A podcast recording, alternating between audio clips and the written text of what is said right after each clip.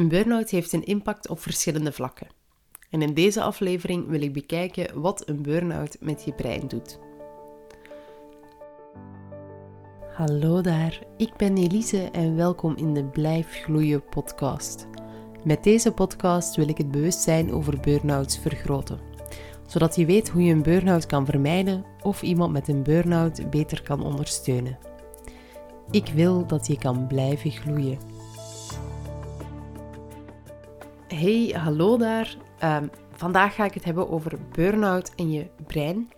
Uh, ik moet mezelf intomen om niet te snel te gaan praten, want ik ben hier heel enthousiast over. Um, ik vind hersenen en alles wat ermee te maken heeft enorm fascinerend. Ik vind het uh, gek dat ja, heel uw zijn eigenlijk bijna past in uw handen. Want dat is echt niet zo groot, hersenen. Ik heb uh, voordeel gehad dat ik er ooit op Tunif is heb kunnen zien van dichtbij. Uh, maar dat is dus echt niet zo groot. En toch zit alles daarin. Dus ik ben hier mega enthousiast over. Um, nu, ik ben totaal geen uh, neurowetenschapper of zo. Ik heb uh, daarvoor veel te weinig wetenschappen gehad. Ik heb bijvoorbeeld geen chemie of geen fysica gehad, en maar tot het vierde middelbaar biologie of zo. Um, dus het is niet zo dat ik daar een expert in ben, maar ik ben heel wel echt enorm gefascineerd door ander, uh, alles wat met hersenen te maken heeft. Maar ik ga proberen dat enthousiasme een klein beetje in te tomen, want ik merk dat ik anders um, veel te snel ga praten. En er zitten ook een aantal moeilijke woorden in, want ja, zo zit dat in de hersenen. Blijkbaar hadden ze geen zin om daar, ja, ik weet niet, makkelijke namen voor te bedenken of zo. Um, ja, oké. Ehm, het is natuurlijk ook niet onlogisch om eens te gaan kijken wat dat er in uw brein gebeurt.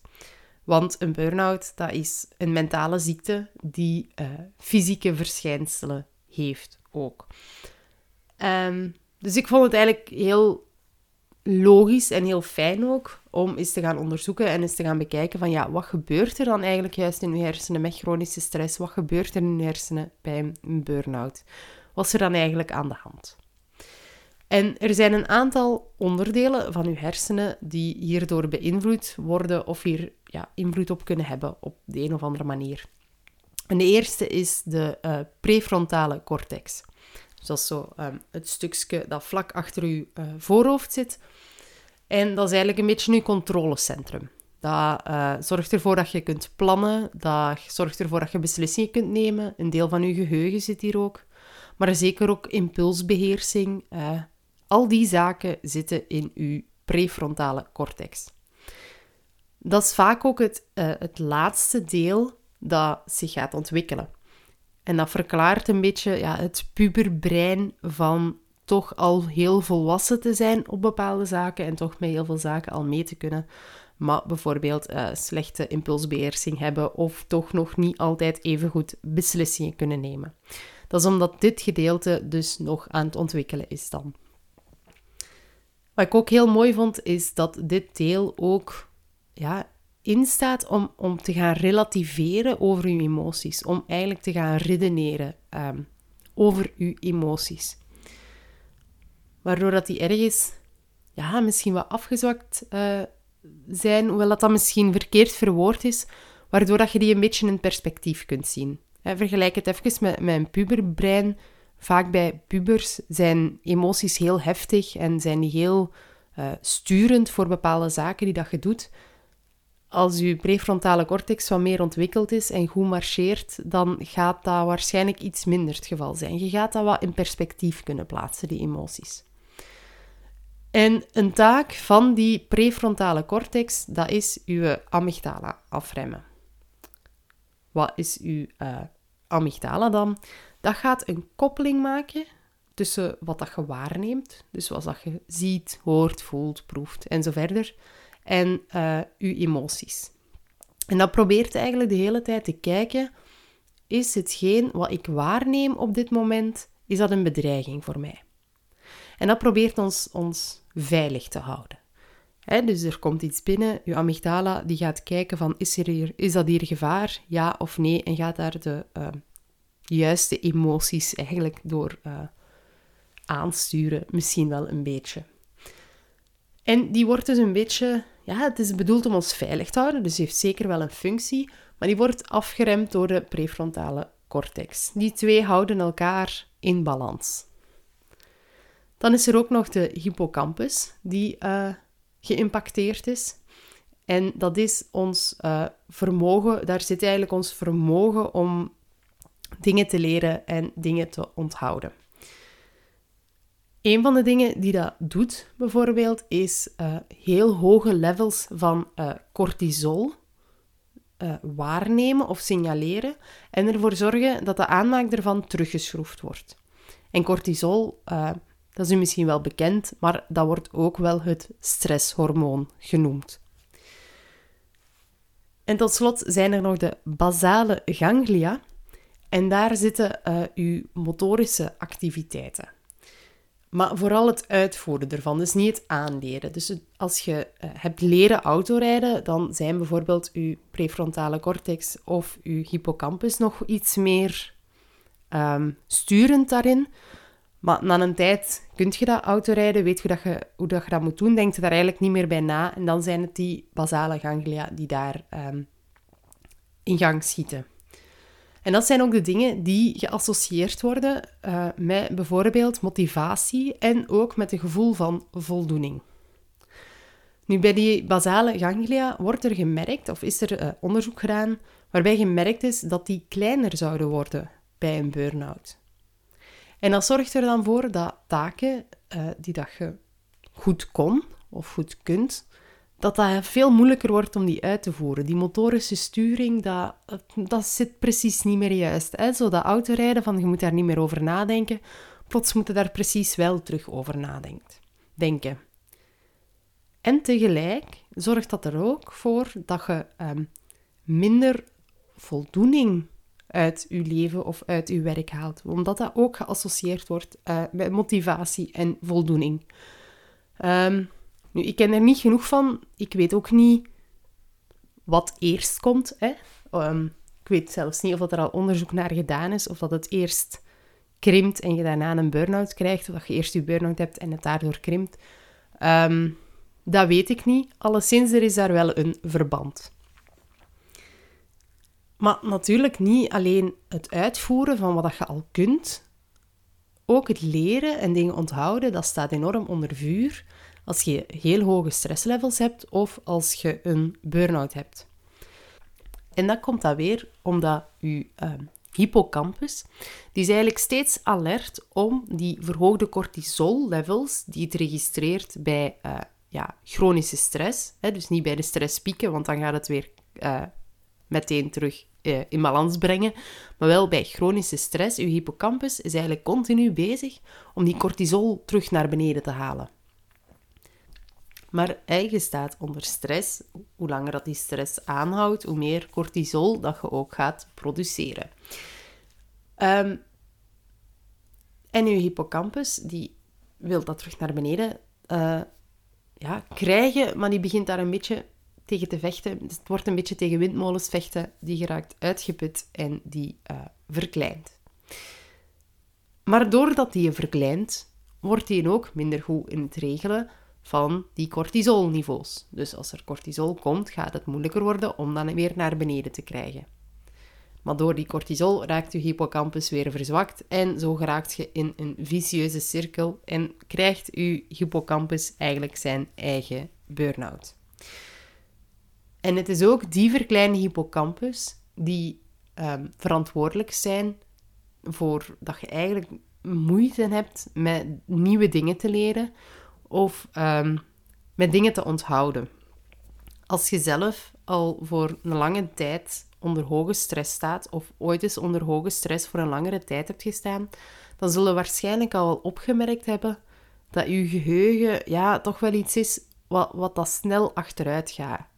Dat je vroeger misschien heel gemakkelijk dingen kon onthouden, dat dat onder hoge stress of over, als, als, je, als je lang onder hoge stress staat, toch niet meer zo gemakkelijk is.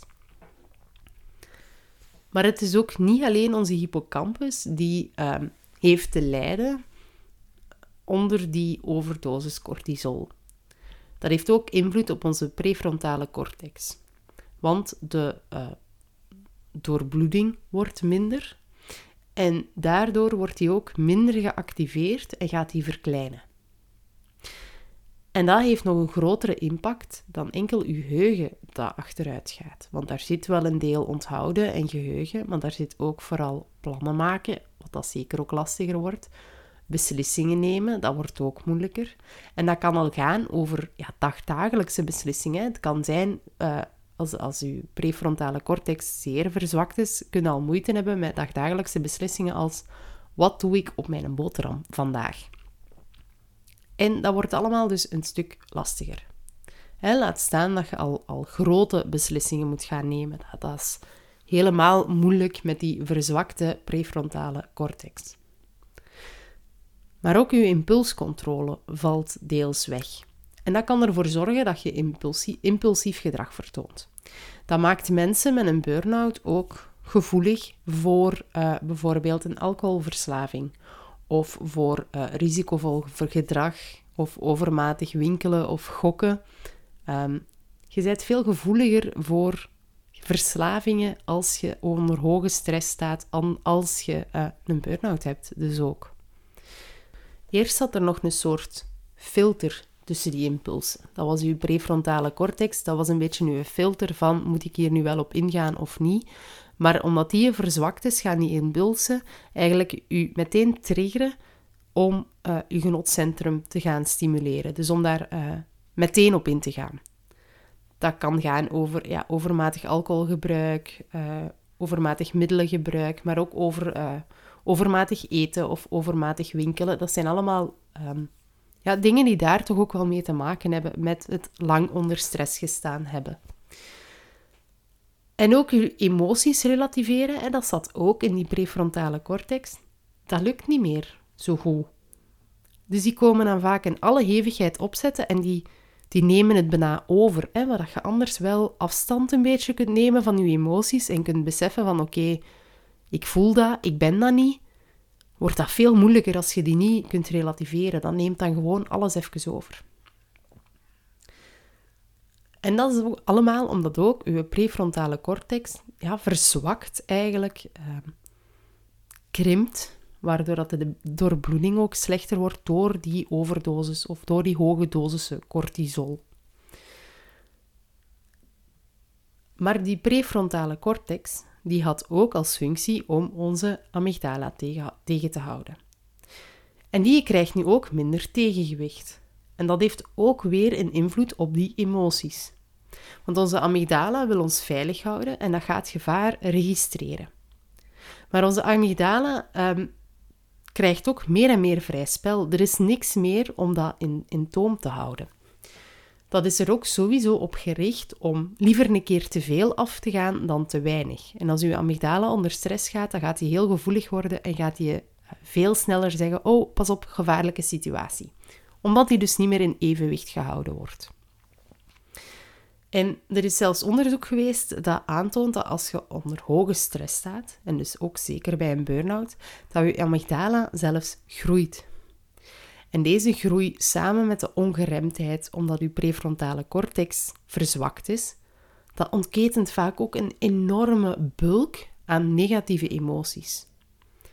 En want die emoties die komen op, je bent continu getriggerd want het is niet goed en dit is gevaarlijk en uw amygdala probeert u veilig te houden, maar die weet ook niet meer, die, die weet het niet goed niet meer, dus die zegt maar bijna bij alles, pas op, dat is gevaarlijk. En net op dat punt mist je ook die, um, ja, dat relativeringsvermogen of die controle vanuit de prefrontale cortex. Dus dat maakt het heel moeilijk om ja, toch ook een beetje te ontsnappen aan zo'n negatieve spiraal. En stress heeft echt al heel vroeg in je leven een impact op je brein. Um, zelfs al uh, tijdens de zwangerschap. Er zijn studies geweest met uh, ja, apenbabytjes, waarbij dat ze de moeders hebben blootgesteld laat in de zwangerschap. En die werden geboren met een kleinere hippocampus.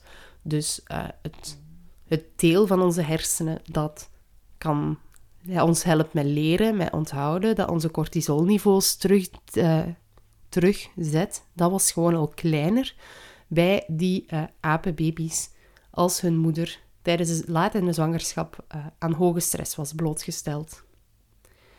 Nu, gelukkig is dat niet alles uh, bepalend, want er is steeds meer en meer gekend over neuroplasticiteit, of eigenlijk het vermogen van uw hersenen om te groeien en om nieuwe verbindingen te maken. Het is al langer uh, bekend dat zeker bij zeer jonge kinderen het brein nog een beetje maakbaar zijn. Dus in principe, als je bij een heel jong kind een, uh, de helft, hersenhelft zou moeten wegnemen, kan dat kind volledig um, herstellen en gaat die andere hersenhelft gewoon die functies overnemen. Dus uh, daar zijn al heel veel zaken over bekend, maar nu ook steeds meer en meer merken dat neuroplasticiteit zeker niet stopt in die kindertijd en dat uw hersenen, um, ja, dat er nieuwe cellen kunnen groeien, maar dat er zeker uh, ook nieuwe verbindingen gelegd kunnen worden. Dus um, dat is zeker niet alles bepalend. En dat is ook positief, want dat betekent dat uw brein kan herstellen uh, na een burn-out. En dat betekent niet dat alle schade die aangericht is tijdens die burn-out gewoon teruggedraaid wordt. Het is niet zo dat het dan plotsklaps weer is zoals voordien. Het is echt wel een herstel waar tijd en geduld vaak voor nodig is. En waarbij dat je eigenlijk stap voor stap die verbindingen terug gaat opbouwen of die hersenen terug gaat trainen. Um, er zijn verschillende dingen die goed zijn om je brein te trainen als je, um, als je merkt van, goh ja, ik heb daar precies toch ook wel uh, nood aan of mijn brein moet nog wel wat recoveren. Bewegen en slapen, dat is sowieso al goed om je brein te laten herstellen. Maar um, het leren van nieuwe dingen kan ook je prefrontale cortex en je, je hippocampus stimuleren, wat dat ook wel een aanzet kan geven uh, tot groeien. Nu opnieuw, dat is echt, dat is echt wel een, een proces van lange adem. Verwacht niet dat dat ineens terug uh, in orde is. En probeer dat zeker niet te overdoen als je nog midden in je burn-out zit. Want dan, uh, dan is alles nog ontregeld, dan zitten die hoge cortisolniveaus daar, dan is dat stresssysteem nog niet terug in orde. Als je dan te hard gaat focussen op en ik moet bewegen en ik moet mijn brein trainen en zo verder, dan gaat je dat gewoon nog meer uitputten. Dus het is echt wel belangrijk dat je eerst ja, een beetje terug tot een status quo uh, komt en zorgt dat alles terug, dat je systeem een beetje terug wat meer rust krijgt en wat meer in balans krijgt, voordat je uh, je brein terug sterker gaat kunnen maken. Um, ja, dat was het zo'n beetje. Ik denk dat het hier wel duidelijk is van burn-out dat kan echt wel een heel grote invloed hebben op je brein. Zowel op je vermogen om beslissingen te nemen, uh, maar ook je geheugen en je impulscontrole gaan, er, uh, gaan erop achteruit. En dat zijn dingen die je niet inbeeldt. Je geheugen achteruit gaat of uh, dat het moeilijk wordt om beslissingen te nemen, je beeldt je dat niet in. Het zit echt letterlijk zo in je hoofd. Als je een burn-out hebt, zijn er letterlijk processen in je hoofd, processen in je hersenen die verstoord zijn. Uh, en gelukkig kan je brein hiervan herstellen. En hoe jonger dat je bent, hoe beter dat dat doorgaans gaat lukken. Um, als je merkt dat dat nodig is, wilt je daar ook wel aandacht aan besteden om uh, aan dat herstel van de hersenen. Maar natuurlijk eerst wilt je de achteruitgang uh, stoppen. En hoe sneller dat je dat kunt stoppen, hoe makkelijker het wordt om ook je hersenen terug te trainen. Ziezo, um, ja, dat was het praatje wel dat ik een beetje wilde voeren uh, vandaag over burn-out en je brein.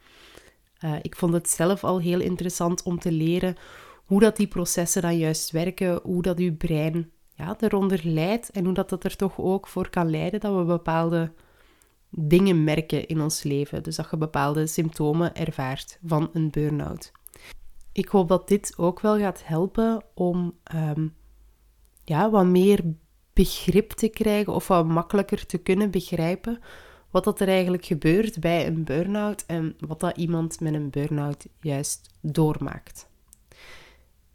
De volgende aflevering sluit hier ook een beetje bij aan. Die zal gaan over uh, burn-out en je lichaam om eigenlijk eens te bekijken wat dat, uh, burn-out doe niet met uw brein, maar dan juist met uw lichaam of wat dat er juist gebeurt in uw lichaam. Die aflevering komt uh, volgende week online. Tot de volgende keer. Bedankt voor het luisteren van deze aflevering. Ik hoor graag wat je ervan vond. Je mag me altijd een bericht sturen via Facebook of Instagram. Deel deze aflevering zeker met anderen die er ook iets aan kunnen hebben. Als je deelt via Facebook of Instagram, vergeet me dan niet te taggen. Als je luistert via Spotify, kan je me ook helpen door op de sterretjes te klikken en deze podcast te beoordelen. Tot de volgende keer in de Blijf Groeien podcast.